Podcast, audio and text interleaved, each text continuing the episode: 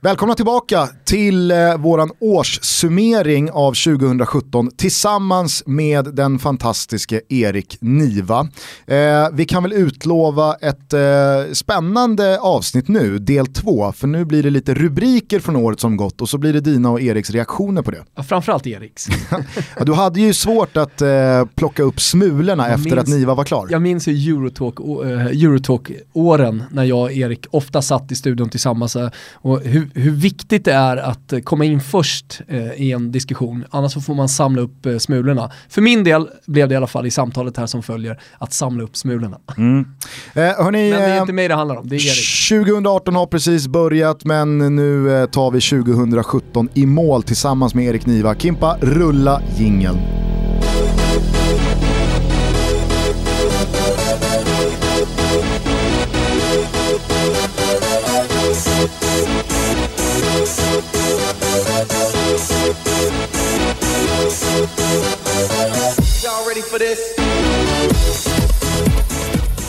Okej, då tänkte jag att vi eh, avslutningsvis, vi får väl se hur länge vi eh, håller på till från nu, men eh, avslutningsvis så ska jag läsa upp några rubriker från fotbollsåret som har gått, som jag har satt ihop då. Ja, men nu ska vi bli lite rappare och ja. lite mindre högtravande och allt det där. Precis.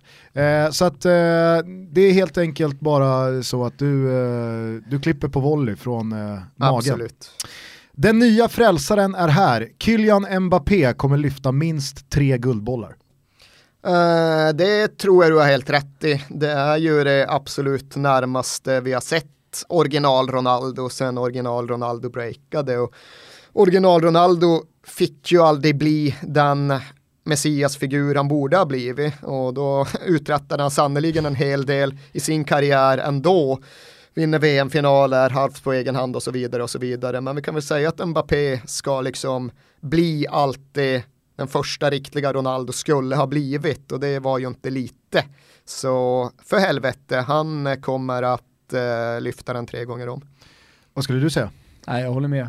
Eh, alltså sen, sen är ju frågan hur, hur eh, utvecklingen tar sig i PSG, vilken plats han får. Det har alltid varit ett litet problem. Uh, nu lyckades Barcelona hantera det jättebra med Neymar, Messi och Suarez. Det är till och med så att man ser, en luck, man ser verkligen luckan nu när, när Neymar har försvunnit. Uh, och man ser en plats för Coutinho och allt det där i, i Barcelona. Uh, och det, det kanske tar lite längre tid än vad jag hade förväntat mig med Mbappé och jag vet inte ens om det är i PSG han ska göra det, men, men jag ser det framför mig. Mm. Jag, jag måste säga att jag tycker att jag har svårt att minnas ett större genombrott på ja, väldigt många år. Alltså det som var ett enormt genombrott och det är ju någonstans en ett argument i andra vågskålen, det är ju Michael Owen. När han verkligen breakar, och det är ju det är, det är 20, 20 år sedan, år sedan nu. Ja, det är märkligt, just det, fan, man kommer på sig själv, man blir alldeles för gammal för sitt eget bästa. Man ser fortfarande det som ett, som ett eh, ganska färskt exempel. Men när han breakade så då var det ju samma liksom känsla av att jävlar nu mm. drar tåget och ingen kommer kunna stoppa det. Och visst han vann ju också Guldbollen i alla fall en gång och det var rätt oförtjänt men han vann den. Men han blev ju inte den spelare, den världsherre som jag trodde han skulle bli när han dundrade igenom. För så bra han var när han var 17-18, det var ju, oh, ja, det var också svårt. Sen har jag så jävla respekt för motivation och det där kan man ju aldrig riktigt veta heller. Om man kollar på Ronaldinho till exempel som dominerade totalt och spelade den här glädjefyllda liksom, asfaltsfotbollen från, från Brasilien i Barcelona på den absolut högsta nivån som helt plötsligt i Milan, vi har pratat om det i podden några gånger, visst han gjorde tio mål per säsong i Milan men det var det var ju liksom ljusår ifrån vad han var i Barcelona ändå. Även om han lyfte titlar med Milan och, och, och var en jättebra spelare i liksom Serie A-mått mätt, så var han, ju, var han ju aldrig, alltså hans bringtid tog helt enkelt slut efter Barcelona-tiden och där kan man ju aldrig veta med, med, med spelare. Nej, och det är så det är, väl, det är väl liksom eh, ja, brasklappen man får. Ja, den brasklappen är ju stor liksom. Mm. Det är ju fortfarande så att det är väl 70% risk att Mbappé inte fullföljer sin eh, potential över 30% chans att han verkligen lyckas med det så brukar det ju vara rent statistiskt att det är inte så jävla många som lyckas ta löftet från sina tonår och göra max av det. Eh, men eh, det finns ju liksom inget i hans karaktär eller i hans sätt att vara eller spela som man hittills har kunnat upptäcka som liksom indikerar att han att han skulle gå fel på vägen av egen kraft. Nej men det, jag det... såg lite brydd ut där bara för jag tänkte, menar du Ronaldo eller menar du Ronaldinho? Ronaldinho. Ja. ja. Du sa Ronaldo, Jaha, så tänkte förlåt. så här, Nej jag menade Fan, Ronaldinho. jag- men men, men, jag tänkte, se- ja, nej, men jag tänkte säga det, just eh, vad det gäller Messi och Ronaldo, att de har brunnit så länge, det hade jag absolut inte förväntat mig. Jag har nästan de senaste fem åren gått och väntat på att så här, ja men nu måste det börja gå eh, lite sämre, nu, nu är det dags för någon annan. Eh, men un jag undrar också hur mycket de har sporrat varandra, alltså deras tävlingsinstinkt eh, individuellt att, att vinna de här guldbollarna, att slå rekord, målrekord i Champions League och i ligan eh, och att vara världens bästa fotbollsspelare. Jag, jag tror ändå att det har spelat ganska stor roll. Tror jag också, verkligen, verkligen. Att ingen har velat vika ner sig på något sätt. Ska vi ta nästa rubrik? Francesco Totti tackade för sig. Fotbollen känns lite mer meningslös mycket mer meningslös. Nej men eh, jag är medveten om att det finns inte bara hundra, det finns tusen, det finns tiotusentals människor där ute i Sverige som är ännu större Francesco Totti-romantiker än vad jag är. Men eh, jag fattar ju såklart hela grejen. Jag känner exakt samma saker, jag gör samma typ av intellektuell analys bortanför alla känslorna. Han var ju verkligen en av dem som med allra tydligast kraft eh, stod för ja, men den andra, den gamla fotbollen, den fotbollen vi alla har vuxit upp med som nu håller på att morfa in i något helt annat. Och det var ju inte bara en spelare, det var inte bara en klubbikon, det var inte bara en mytologisk figur som sa farväl, utan det var ju någonstans just en företrädare för en viss typ av fotboll som försvann och som aldrig kommer tillbaka. Och det var ju på så sätt så jävla starkt. Va- vad säger du där? Ja, jag håller med. Ehm, vi hade ju Steven Gerrard, alltså vi har haft några då som, som eh, även om man gick vidare och spelade i, i MLS efter, eh, nu känns ju inte MLS om man kollar på Pirlo också eh, och hans, hans tid där och många andra. Men det var som för som- några veckor sedan när man, så här, jag såg på Twitter, Ja, Xavi lägger av. ja, ja precis. Står med röda svärd i Qatar. Jo, men det var så här, va? Ja, men Var ju inte samma han med- av för två år sedan? Ja, Kakala med är av häromdagen. Exakt. Och, och folk eh, s- skrev på sociala medier och var ledsna, åh nej, nu lägger en stor, han har lagt av för länge sedan. Mm. Så att, ehm, och, men, men på något sätt så var ju det skönt att Totti aldrig gjorde den resan, så det, det kan jag verkligen känna. Sen, sen är det ju mycket, mycket tommare i, i den italienska ligan utan Francesco Totti, så är det ju bara. Det känns ju konstigt att se honom i en kostym, han kan ju inte sätta på sig en kostym, han är den enda italienaren som inte klär i en kostym. Sen finns det ju något så här Luke Skywalker-aktigt i en, ja, Pochettino, nu får folk ursäkta mig om jag blir för Tottenham-refererande, men Pochettino berättade bara för några veckor sedan om hur liksom, starkt Harry Kane hade upplevt det där. Liksom, han hade suttit och tagit in hela avskedet och allting och också rörts av det. Tottis avsked. Och just bara här utifrån och ändå representera en klubb och vi är ju fixerade vid tanken på att Harry Kane visserligen kanske inte kommer stanna i Tottenham i hela sin karriär, men att det ändå betyder något, att han ändå fattar grejen, att han påverkas av one, one club man-prylen. Och det kommer ju någonstans eka vidare, att alla de som ändå har hunnit se Totti, hunnit uppleva Totti, behöver inte vara en 24-årig Harry Kane, det kan vara en 14-årig kille som blir stor om 10 år. Det kommer ju ändå någonstans sitta i bakhuvudet på dem att ja just det, så kunde man också göra. Det finns också något nobelt i det idealet som nästan så här ridderligt kommer leva kvar. Ja, och jag tror också att det kommer vara så liksom i någon successionsordning för vissa klubbar. Alltså Totti, hade Totti lämnat Roma någon gång så hade ju inte Daniele De Rossi blivit vad Daniele De Rossi blev. Han kanske Och inte hade- hade fattat de beslut som han gjort heller. Och hade inte Daniele De Rossi blivit Daniele De Rossi så hade nog inte Alessandro Florenzi liksom kommit upp och varit den han är. Så det finns ju någon garant tror Ja. jag för att de där spelarna också befäster en kultur i en klubb att du vill bli nästa. Verkligen. Och där är det ju sannerligen inte för stora ord att använda när man eh, konstaterar att Francesco Totti har ju verkligen förändrat hela AS Roma på ett väldigt varaktigt sätt. Hade inte han funnits där och varit den han har varit så hade ju Roma av idag varit en annan klubb. Det är inte för stora ord att använda. Och jag tror att eh, nu, nu sänds det här eh, några dagar, några veckor senare än vad det spelas in. Men vår bössa i Musikhjälpen är ju också en väldigt tydlig indikation på vem Francesco Totti ja. var och vad han betyder för folk. För att ja, det är väl klart att syftet eh, att vi ska hjälpa barn från att säljas eh, och Musikhjälpen är Musikhjälpen och det var säkert många som ville vara med för att Toto Balutto är Toto Balutto och för några kanske det spelade roll att Micke Lustig chippade in en tröja och Danne chippade in en tröja och sådär. Men jag vill ju tro att Francesco Tottis signerade tröja det var liksom 90% av grejen. Så är det säkert och det finns ju något hoppingivande i det där att när så väldigt många starka krafter drar fotbollen i en annan riktning så finns det också en jävla kraft i allt det som vi uppskattar så mycket som riskerar att gå förlorat. Kan det verkligen vara så att allt sånt försvinner när så många bevisligen värdesätter det. Det borde ju på något sätt inte gå ihop, även om världen funkar som den funkar och pengarna i slutändan styr allt så kan det inte vara helt betydelselöst att så jävla många känner så jävla starkt för den här typen av ideal. Är ni redo för nästa rubrik? Kör.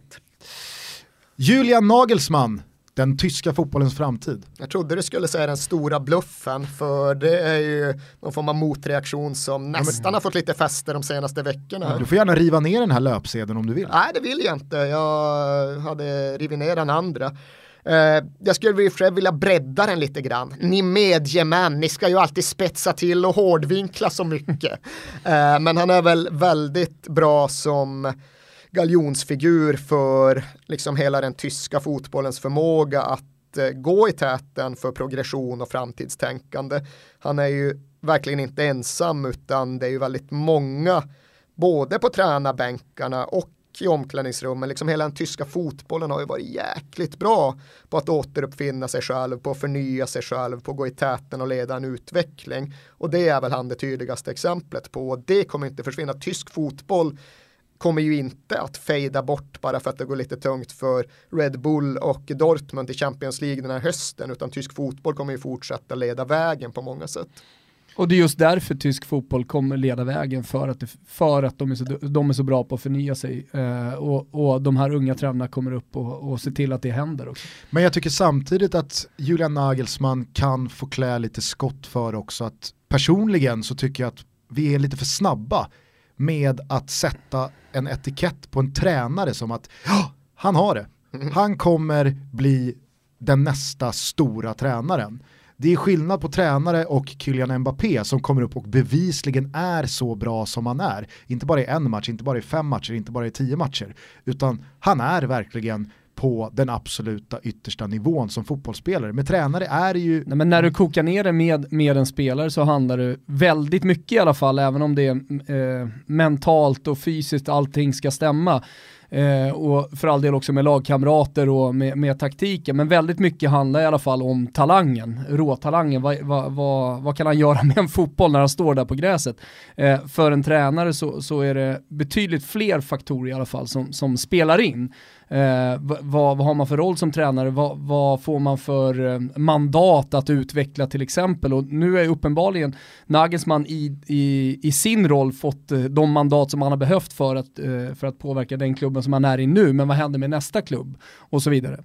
Ja, det var för ett år sedan hade du kört samma rubrikexperiment så hade du kanske använt Thomas Tuchels namn mm. och se var han är idag. Nu kommer ju han få ett bra jobb framöver också, men det är inte samma messianska stämning runt honom. Eh, och det är ju svårare att utvärdera tränare. Det är ju svårare att säga att ja, den här tränaren kommer lyckas mer eller mindre permanent i 20 år framöver, för det är det ingen som gör någon Ferguson eh, hit eller dit som halvreservation i alla fall. Eh, så absolut, det är väl, man är för snabb att etikettera tränare. Däremot så tror jag väl just att när man ser på den tyska fotbollen generellt snarare än på honom specifikt så är nog då kan man nog backa upp slutsatsen. Och det är ju på sitt sätt jävligt imponerande att de bestämde ju sig bara för 15 år sedan att jo men fan nu ska vi vara utvecklingsvänliga förändringsbenägna leda, det bestämmer vi centralt och så får det lov att bli så och så lyckas de med det. Det är nog jävligt tyskt tilltalande. Men en som är väldigt svårt att, att se framtiden, vad, alltså, kommer det bli succé eller, eller kommer det gå lite sämre? Det är med Jürgen Klopp. Eh, jag vet att du, du pratade i Viasat-studion här i helgen och, och trodde väldigt mycket på att det, det, det kommer leda till titlar i slutändan. Så jag, jag har svårt att se var Jürgen Klopp är om två år. Om han är liksom tagit Liverpool till nästa steg. Jag menar, kollar man på han i Dortmund, då tog han över en, he en helt annan situation, jag är fullt medveten om det, men gjorde mer eller mindre succé direkt med en sjätteplats, var en femteplats eller en sjunde sjätteplats de första två åren och sen det tredje året då kom titeln och det fjärde året kom titeln. Eh, det var Champions League-final på det. Eh, så, så att rent, alltså kollar man på den korta historien som man har som tränare så borde ju liksom, nästa år bli ett, ett superår för Jürgen Klopp. Men ja, ja, Vi skulle vara rättvisa här mot Erik. Jag, jag minns att liksom, summan av kardemumman var att Liverpool är väldigt, väldigt nära ja, alltså, att det, det var inte där. meningen att, nu, nu sitter Erik mitt emot mig så det är lätt att ta referensen. Alltså, att, att, jag ser så mycket på Erik eftersom du i tv. Nej, men... Du borde ha Twitter-bråk om det här istället. ja, exakt. Nej, men hur ser du på Jürgen Klopp då? Jag ser på honom som en eh, konsekvent jävligt skicklig tränare. Jag ser ingenting i honom som skulle få mig att säga att han är en bluff. Han kan minsann inte få fasta situationer och funka defensivt och därför ska han omvärderas. Men med det sagt så är ju inte jag säker på att Liverpool kommer vinna några stora titlar nästa säsong. Jag tycker de är jäkligt nära, de borde kunna vara där och tafsa. Men återigen så måste man ju väga in förutsättningarna. Som ägare betraktat har ju inte Liverpools amerikaner lyckats göra deras ekonomi, deras intäkter, deras eh, förutsättningar konkurrenskraftiga jämfört med Man City, Man United, Chelsea, till och med Arsenal.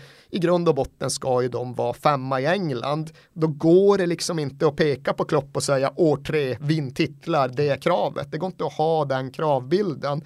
Så jag menar ju att Klopp kan komma trea nästa säsong, precis som Pochettino kan komma femma med Tottenham en säsong och det skulle ändå inte kunna beskrivas som ett fiasko, en flopp och en bluff.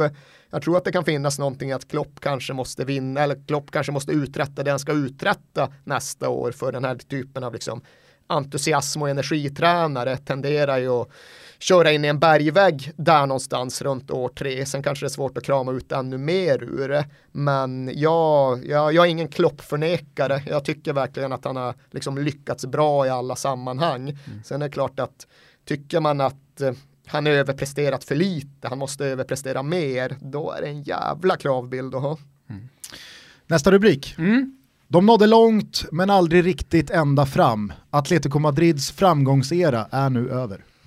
Nej, den tror jag väl inte riktigt på, uh, men det beror också lite på vad man lägger i rubriken. Jag tror inte att Atletico Madrid kommer att vinna Champions League inom överskådlig tid. Jag tror inte ens att de kommer nå en till Champions League-final under Simeone. Så på så sätt är det väl helt rätt. På så sätt så nådde de inte ända fram och på så sätt kanske eran är över. För är inte Simeones exit nådastöten? Jo, både och. Jag tror ju inte heller att de kommer sjunka tillbaka där de var innan han kom. De kommer inte vara 11 i ligan med ett skuldberg som är 5 miljarder högt och en livrädsla i blicken varje gång de spelar Copa del Rey mot ett lag från Segundan. De kommer ha etablerat sig på en mycket högre nivå. De kommer ha liksom skrämt ut en hel del av de där förlora spökena ur omklädningsrummet där de hade liksom fått härja fritt i 20 års tid. Men jag pratar ju såklart om Champions League-finaler och ligatitelstrid. Ja, nej okej, okay. är det så så,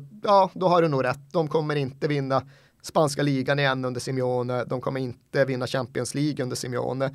Det, det tror jag inte, men återigen det där att ja, var det inte värt något då? Jo, han har ändå liksom tagit dem till ett helt nytt ställe och de kommer inte bara återvända till punkt A steg noll igen när han går utan de kommer vara på en mycket bättre plats ändå. Jag tycker uppr uppriktigt att det var tråkigt, nu håller inte jag på något av lagen men, men jag kände viss sorg eh, när eh, Atletico Madrid förlorade eh, den där Champions League-finalen på eh, San Siro. Jag kände det alltid, så fort det inte är Tottenham som spelar så håller jag i 99 fall av 100 på klubben med minst intäkter. Det är en tumregel och på så sätt var det jävligt tråkigt. På samma sätt som jag kände glädje när man vann ligatiteln, på tal om vad, vad var det värt och så vidare. Man vann ju ändå den där ligatiteln och man gjorde det i Barcelona. Eh, på, på ett fantastiskt sätt. Man hade bara fått 500 tror jag eh, platser till bortasektionen vilket i sig var helt bisarrt i en match som handlade om titeln. Eh, och där stod de och hoppade högst upp i, i ena hörnet, jag tror du var där också Erik. Nej det var Simon Nej, kanske. var Eller, du var där. Var Nej Simon var, Simon var där, jag var ja. inte där. Men tror... Nej men det var, det var, det var och så, så jag menar så att de, de har haft en enorm glädje, sen är det precis som du säger, alltså, det, det är klart att det är många förlorarspöken som har eh, försvunnit och jagats bort från det där omklädningsrummet och det, det det är inte så att det bara eran är över, nu faller man tillbaka till vad man har varit, utan man har ju också byggt upp någonting starkt att utgå ifrån. Ja men det tror inte ja, jag, alltså, det är jag helt med på, men, men, men samtidigt så tror jag att det inte kommer fortsätta se ut som det har gjort här nu de senaste 3-4 åren. Och det kommer då bara till den avslutande frågan kring den här rubriken. Tror ni att vi om 10-15 år kommer minnas ligatiteln de vann och att de var i två Champions League-finaler kring samma år? Eller kommer man minnas det som att de aldrig nådde riktigt ända fram?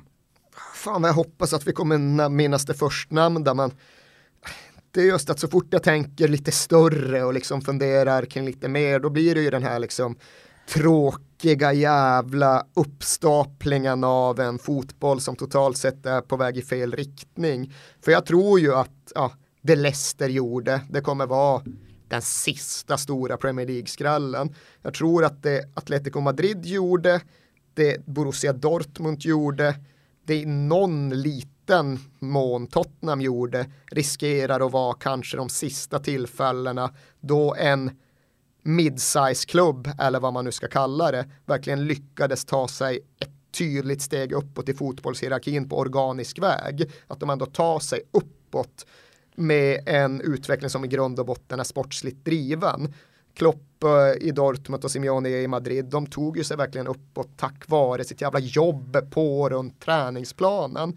Och det kan jag inte riktigt se hända igen. Ska man liksom komma någonstans, ja då eh, hitta en bra jävla shake, ja då kan du komma någonstans. Men där och coacha det någonstans, Ja, jag befarar att det är just så man kommer minnas. Det var sista gången som klubbar verkligen rörde sig, som de tog sig upp på en ny nivå, som de till och med nådde Champions League-finaler innan innan allt blev omöjligt och stängt. Liksom. Ja, fy fan vad ont det där gör i mig när du säger det, för jag inser, jag sitter här och försöker komma på ett italienskt exempel och jag inser att de som har varit närmast att nå dit, Eh, och som faktiskt var där och hade möjligheten och försökte ta det där sista steget var just Fiorentina.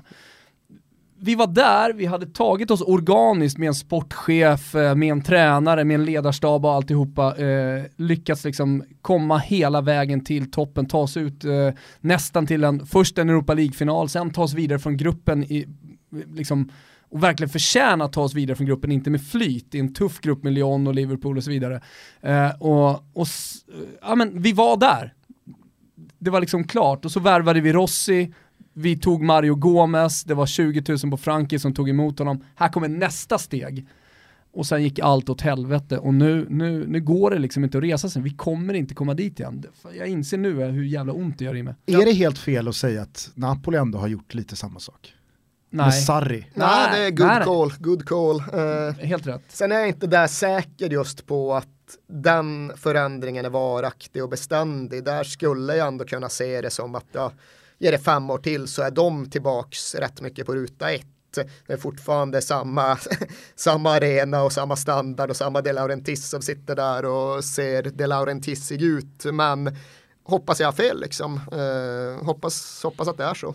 Mm. Okej. Okay. Vill bara säga där ifall vi nu summerar 2017 och pratar mycket om Atletico Madrid till liksom årssammanfattningen så ska vi verkligen föra liksom farvälet till Calderon, en av de mm. stora saknade arenorna eh, som aldrig kommer tillbaka, som aldrig byggs i sitt slag igen. Det kommer bli något annat, det kommer kanske bli bra det också, men jävla vilken vilken bra arena, jag höll på att säga fin arena och det var det ju fan inte, men vilken bra fotbollsarena. Du var ju på sista sätt. matchen, Nej, inte hur? på sista matchen, jag var på sista derbyt, alltså Champions League-semin, när de faktiskt gav ingav i alla fall illusionen om att de skulle klara av att vända. Liksom, de startade ju helt otroligt. Ja, Var det 2-0 efter en kvart? Ja, den där sista jävla urladdningen som Calderon är kapabel till. Jävlar vad, ja det var något, det var något speciellt eh, småord att säga men men jävlar, jävlar vad det kunde vara fotboll på Calderon.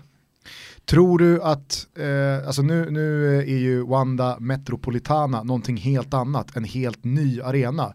Men för ditt Tottenham, kommer det fortfarande vara White Hart Lane tror du?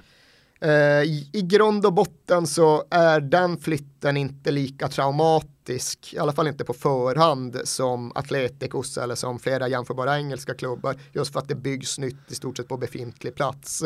Kommer vara samma pubbar, kommer vara samma skabbiga jävla område. Så det kommer det... vara lika långt till tunnelbanan. Exakt, it's a long way to Seven Sisters som det heter på kortsidorna, eller som det hette på huligan 80-talet i alla fall. Eh, men det finns ju också en tro på att den arenan byggs rätt mycket på rätt sätt. Om man tittar på vad de gjorde med Emirates och bestämt sig för att inte göra samma misstag. Mycket tajtare, mycket brantare. En stor jävla kortsida utan etage. Så än så länge finns det ju den där tron i Tottenham-led på att det här ska nog faktiskt kunna bli rätt bra efter förutsättningarna. Visar det sen att det inte alls blir den känslan, det blir istället känslan av jävla mikrobryggeri och genomskinligt glas till spelartunneln så kommer vi ju sitta där på precis jävla samma sätt som alla andra. Känga mot mikrobryggerierna. Ja, det, vi ska ju ha det. Vi ska ju ha något jävla Europa. Vi ska ha ett mikrobryggeri med Europas längsta bardisk. Det är så man pitchar in en arena nu för tiden. Det känns som att man verkligen träffar Erik Niva i sitt innersta hat när man pratar om sånt. Ja, men det är också där det finns ju såklart en jävla fara och jag fastnar i det hela tiden. Jag fastnar sannoliken i det här att man sitter bara och tuggar om hur allt är fucked up, hur allt är på väg åt helvete, hur allt blir sämre och mer eh, liksom avtändande och allting. Och det har ju varit hela min utmaning, i alla fall de senaste sju, åtta åren, att inte bara tugga fast i det, för då går det ju inte längre att hålla på. Då blir man för nedtyngande, för nedbrytande att lyssna på. Så hela min gärning de senaste sju, åtta åren har ju liksom varit att försöka hitta entusiasmen inom den här jävla industrin för att på så sätt liksom ändå bibehålla glädjen. Eh, och det måste man göra här också, ja, Vanda Metropolitano, det blir väl säkert bra på sikt, liksom ge det några år och en ny generation och låt det skapas nya minnen. Det blir säkert bra liksom. Det blir säkert bra med nya White Hart Lane. Det måste fan i mig bli det för tänker man inte så så går det ju inte längre. Man liksom får lov att piska sig in i den tankebanan och hitta alltså vi, vi lever ju i en stad där man trodde att det skulle vara omöjligt eh, och herregud AIK är väl eh, de som har eh, inte rört sig speciellt mycket framåt men för Djurgården och för Hammarby så känns det som att Tele2 har landat ganska bra efter bara några år. Jo, och där får man ju också säga till sig själv, vad tycker jag om Tele2? Jag tycker ju den är sådär, ett bäst. Älskade såklart Söderstadion som fotbollsarena, även om det var jävligt kallt på den där Nynäskortsidan. Och det var jävligt långt till planen från eh, liksom kurva fondläktaren på Stockholms stadion. Så de som arenor, ja de hade sina brister men jag sitter ju ändå där och känner att ja fan de var så identitetsstarka, de hade sin karaktär, de sa någonting om klubbarna och sina lokalmiljöer, precis som jag vill ha en fotbollsarena.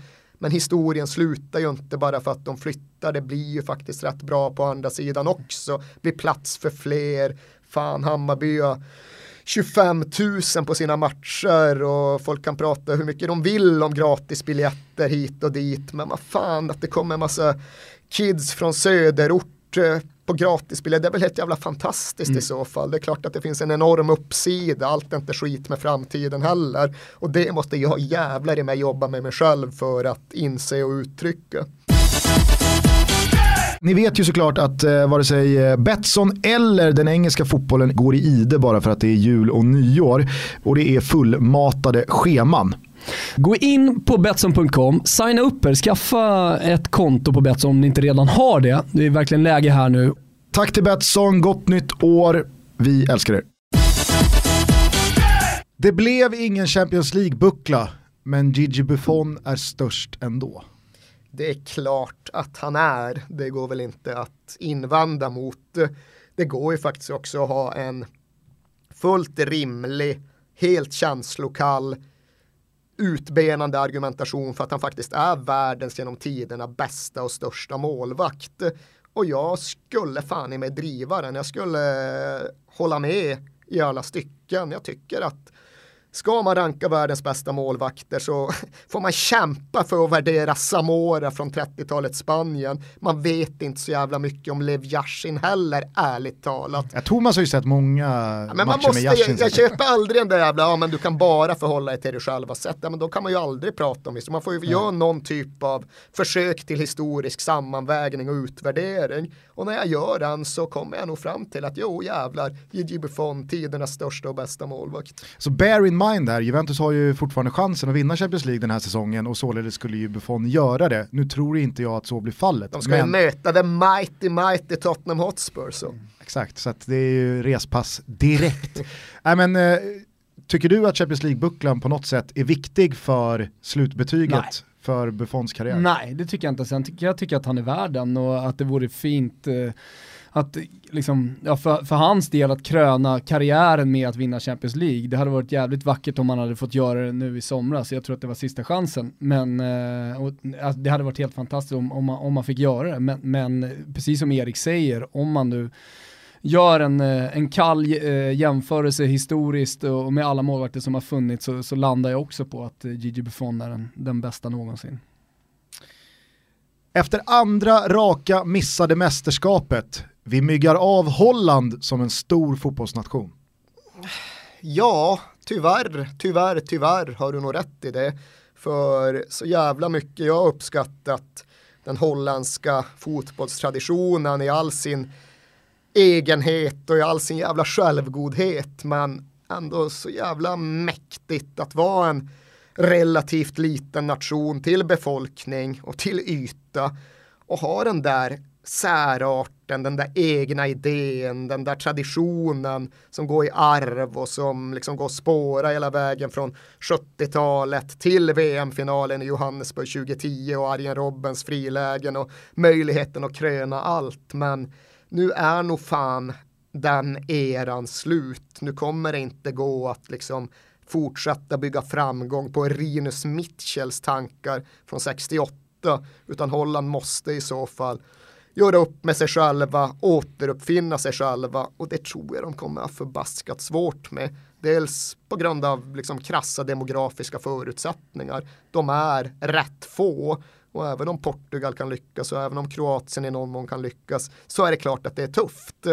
Och det där med att man liksom alltid bara utgår från att Ajax talangfabrik fortsätter producera. Ja, i någon mån så är det väl så, men i någon mån så är det i så fall danska supertalanger de spottar ur sig nu för tiden. Det är ingenting som gör så att Holland når ytterligare mästerskapsfinaler. Så jag tror du har rätt. Jag tror inte att de kommer missa EM nästa vända. Jag tror inte de kommer fortsätta och bomma mästerskap och sådär. Men jag tror inte att de kommer ta fler medaljer på något årtionde hit eller dit. Alltså rätta mig om jag har fel. Eh, tidigare i avsnittet så var du inne på att du kan känna en frustration gentemot eh, Premier League-lag som gör så fel. Alltså de eh, utnyttjar så få procent av sin eh, kapacitet och sina resurser samtidigt som att du i ett annat läge var inne på att ja, men det går inte att utveckla fotbollen, det är bara ett ekorrhjul av samma idéer i, i nystöpta former. Ja men det sistnämnda stämmer jag inte riktigt upp på, det var någonting som jag använde. Ja, men, så exakt, inte att du tyckte det, Nej, utan att det den finns vissa som har den uppfattningen, ja, ja. att Jan Andersson är eh, antitesen till det som exakt. visar att det går att utveckla sig själv och fotbollen är inte en konstant som man bara vrider och vänder på i olika ja, skepnader. Det, det förstår jag också. Jag tycker att de sakerna ska tas in i den här Hollandsgrejen. För att jag växte upp med att Holland var det fotbollsland som liksom pushade gränserna, som visade att så här kan man också göra till att ha blivit ett fotbollsland som är i ett ekorrhjul. De tar in Dick Advocat för tredje mm. gången som förbundskapten. Louis van Gaal är där igen. Vad att göra? Men vi testar Marco van Basten för att han var ju världens bästa fotbollsspelare för 20 fucking år sedan. Mm. Alltså, de, de har liksom ideologiskt slagit knut på sig själva och är inte Holland längre. Ja, det är jävligt svårt det där med den permanenta revolutionen, att man liksom hela tiden just ska ha förändringsviljan brinnande och är ständigt växande. Jag tror det är en helt jävla rätt bild av det holländska, att en gång i tiden så var de just sådär banbrytande. Men numera så försöker de liksom bara återskapa det historiska utan att riktigt veta hur man gör det. Uh, och det är nog kanske inte alldeles ovanligt, det kanske inte är alldeles omänskligt heller. Jag ser på mig själv och jag ser på min relation till mycket av det som är mina fundament i livet. Ja, men när gjordes den bästa musiken? När kändes jag som starkast för den? Ja, det var när jag var 19-20 och liksom världen stod i brand och vad gör jag idag? Jag försöker hitta skivor som får mig att känna ungefär så som jag fick mig att känna då och det blir alltid lite svagare för varje jävla gång, blir lite mer utspätt. Men jag klarar ändå inte riktigt av att hitta en helt ny kurs där någonstans är väl kanske den holländska fotbollen och det blir säkert ännu starkare och ännu svårare för dem att de brann så fantastiskt starkt i all sin jävla orangeflammande EM 88 prakt när de brann. Det är klart att har man haft först Cruyff-åren på 70-talet och sen skyldigt van Basten Reichardt-åren på 80-talet och för all del 98-laget och 2010-laget också. Kanske också Ajax 95. Tveklöst, allt det där hänger ju ihop men just lock lockelsen att på något sätt återvända dit, den är väl väldigt mycket starkare än om man är Kroatien och inte har någon egen historia att knyta, knyta tillbaka på eh, prejuggekrigen. Liksom. Det, det, det är nog ett jävla existentiellt problem för, för Holland eh, och den holländska fotbollen.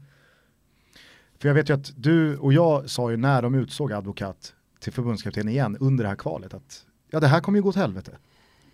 Ja, absolut. Alltså, nu har ju landslagsfotbollen hela tiden eh, varit kronan på verket, men, men alltså, det är ju till Holland eh, alla tränarresor har gått. Det är till, eh, det är till Ajax akademi, alltså det är den holländska fotbollen som sen, sedan 70-talet har, eh, har, har varit eh, inspirationskällan för många av de största tränarna. Så är det inte längre. Eh, och, och, den holländska fotbollen har, har, har, tappat och det visar sig nu också i, i landslagsfotbollen ja, såklart. Också just att de holländska tränarna åkte ut i världen och erövrade. Varenda jävel skulle ha en Gus Hiddink-figur för att komma till Sydkorea eller Ryssland eller Australien och förlösa fotbollsnationen. Men eh, ja, det finns ju sannerligen inte så många Julian Nagelsmann-exempel från eh, holländsk fotboll i nuläget. Det finns ju liksom inga unga spännande eftertraktade tränare och ja, vi har Peter Bosch att väga in i ekvationen på något sätt. Smacka rakt in i bergväggen med Dortmund.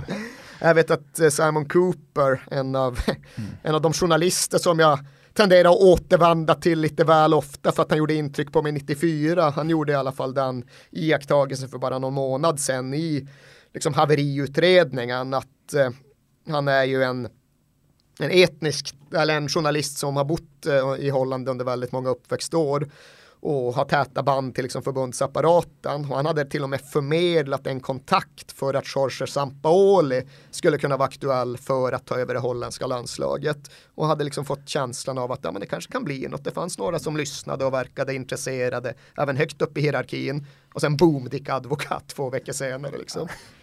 Ja, ja. Ja, jag tycker det är starkt att vi myggar av Holland mm. som eh, en av de stora fotbollsnationerna. Tottenham är ju en brödraklubb till Ajax på en rad olika sätt och de dras ju med i fallet här. Sista rubriken då, eh, kanske den mest provocerande för många av våra lyssnare, men here it goes. Östersunds resa, den största bedriften av ett svenskt klubblag någonsin. Ja, MFF 79 och Blåvitt 80-ish. Ja, den är svår att väga, men jag ställer ju helt upp på premissen att den om något är undervärderad. Och det är här jag inser att det blir provocerande för att många av era lyssnare, för jag vet ju att det finns den där känslan och den där åsikten att eh, det gullas alldeles för mycket med Östersund. Ser ni inte Daniel Kindbergs dubbla stolar och så vidare. Och jag tycker ju verkligen att den invändningen är, om inte irrelevant så ändå liksom felviktad. Det de har lyckats med där uppe och på det sättet de har gjort det utifrån den utgångspunkten de hade i den här tiden. Alltså det är så eh, osannolikt att eh, det är svårt att sätta ord och betyg på. den där klassiska, hade någon påstått och porträtterat vid utgångspunkten. Så det är totalt uteslutet, totalt uteslutet. Jag hade kunnat sätta precis varenda jävla krona jag någonsin har sett på att det skulle inte ens vara i närheten av att vara möjligt. Och de har gjort det och de har gjort det på sitt sätt med sina metoder och jag tippar varenda jävla hatt jag har till dem och ser fram emot Arsenal-matcherna. Liksom. Vad gjorde lottningen med dig känslomässigt när det blev Arsenal? Jag måste bara säga det innan Erik svarar på den frågan. Det har ju hittills hetat, eh, såhär, den bästa sägningen kring Östersunds resa har ju varit att ja, men för sex eller om det nu är sju år sedan så spelade man i division 2. Men nu i och med den lottningen så har det ju då dykt upp sägningen då att när, när Arsene Wenger tog över Arsenal, mm. då fanns inte Östersund som klubb. Nej, och det där är väl någonstans är också en bra sak att ha med. Återigen som liksom motvikt till mig själv och min egen jävla träighet. Det här att allt nytt är inte dåligt. Man behöver inte titta på ÖFK och mässa om liksom bristen på traditioner och liksom allt det där. Man kan bara konstatera att fan, alla måste börja någonstans. Det är inte förbjudet att bygga nytt. Det går faktiskt att åstadkomma helt jävla hisnande och häpnadsväckande saker när man gör det. Och den moderna fotbollen med allt vad den innebär den är jävla lätt att nötas ner av, men Östersunds FK, jag hör era invändningar, jag vet vad ni säger, men den, fan vad den historien ändå lyfter upp mig, fan vad den får mig att känna glädje inför liksom fotbollsframtiden, fan det här vill jag ju vara med och se vart det tar vägen, kan inte sluta nu liksom, kan inte liksom eh, Eh, fastna i den där jävla stängda superligan på ett sätt som gör att jag inte ser vad som händer när Östersund möter Arsenal. Man måste ju se vart filmen tar vägen och det är ju egentligen allt jag behöver. Jag behöver den där nyfikenheten inför vad som händer härnäst och det finns få andra saker inom fotbollen som har väckt den känslan så starkt i mig som ÖFK har gjort. Vill du tillägga någonting eller ska vi låta det bli slutklämmen på fotbollsåret 2017? Jag tyckte det var jättebra. Jag tyckte jag fick med det mesta i mina rubriker. Mm, tycker du att vi har glömt någonting eh, Erik? Alltså det finns ju sjukt mycket man kan prata om. Fan. Terrorattentatet mot Borussia Dortmund, vad det innebar och vad det kommer göra med vår fotbollsframtid. Man kan ta allt det geopolitiska runt VM i Ryssland ytterligare en vända men då blir det samma typ av liksom så här storvulna geopolitiskt förankrade resonemang och de tror jag fan är med att lyssnarna har fått nog av för ett program eller två. Så nej, vad fan, vi är väl nöjda. Om du blickar framåt då, eh, om du blickar mot 2018, och om vi tar då svenska landslaget, vi tar allsvenskan och vi tar den europeiska toppfotbollen, de tre benen, alltså vad, vad tror du att vi sitter här och pratar om då? Alltså det bästa och det sannaste svaret på det är ju att vi kommer att sitta och prata om det som vi inte har en aning om att det kommer hända, för det är det som är fotbollen alltjämt kul och fascinerande liksom ska man bara sitta här, ja, vad pratar vi om svensk fotboll? Vi pratar väl MFF har de byggt en dynasti som inte går att rubba. Det är väl risken. Toppfotbollen pratar man väl om.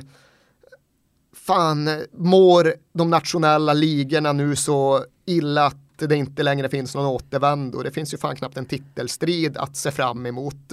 Kan, eller kommer bli spännande i Italien, men Åter... Det byts lite från år till år. Ja, det har det inte gjort på sistone, Nej. men nu tycks det ju ändå vara en titelstrid på gång. Men man kommer konstatera att fan alla vann ju med 15 poäng. Eh, hur ska vi kunna fortsätta med det här? Ska vi inte gå mot en superliga istället? Eh, VM, ja vad fan pratar man om runt VM? Jag, jag hoppas ju just, och där finns det ju återigen en genuin skräck numera i relation till bland annat det vi pratade om runt Dortmund och de stora geopolitiska dragen. Att jag tror att det absolut skulle kunna bli ett scenario där man sitter och pratar om kommer det gå att arrangera stora fotbollsmästerskap på samma sätt igen? Blir det istället en arena liksom för terrorattentat eller för liksom stora jävla regimers eh, rökridåer och så vidare och så vidare jag vet inte fan om vi kommer kunna sitta och prata om just eh, VM-finalen när vi pratar om VM. Jag är lite nojig över att det man fick se från ryska supportrar under EM 2016 var någon slags förrätt alltså, inför det är det verkligen vad VM i Ryssland ska bli. Det är ju så jävla, det är ju totalt politiskt styrt. Mm. Uh, där var de ju nationellt sanktionerade. Det var liksom en typ av jävla paramilitär rysk invasionsstyrka. Det var absolut så att hade liksom Putin-regimen velat stoppa det så kan du ge dig fan på att de hade stoppat det. De hade inget emot att det hände.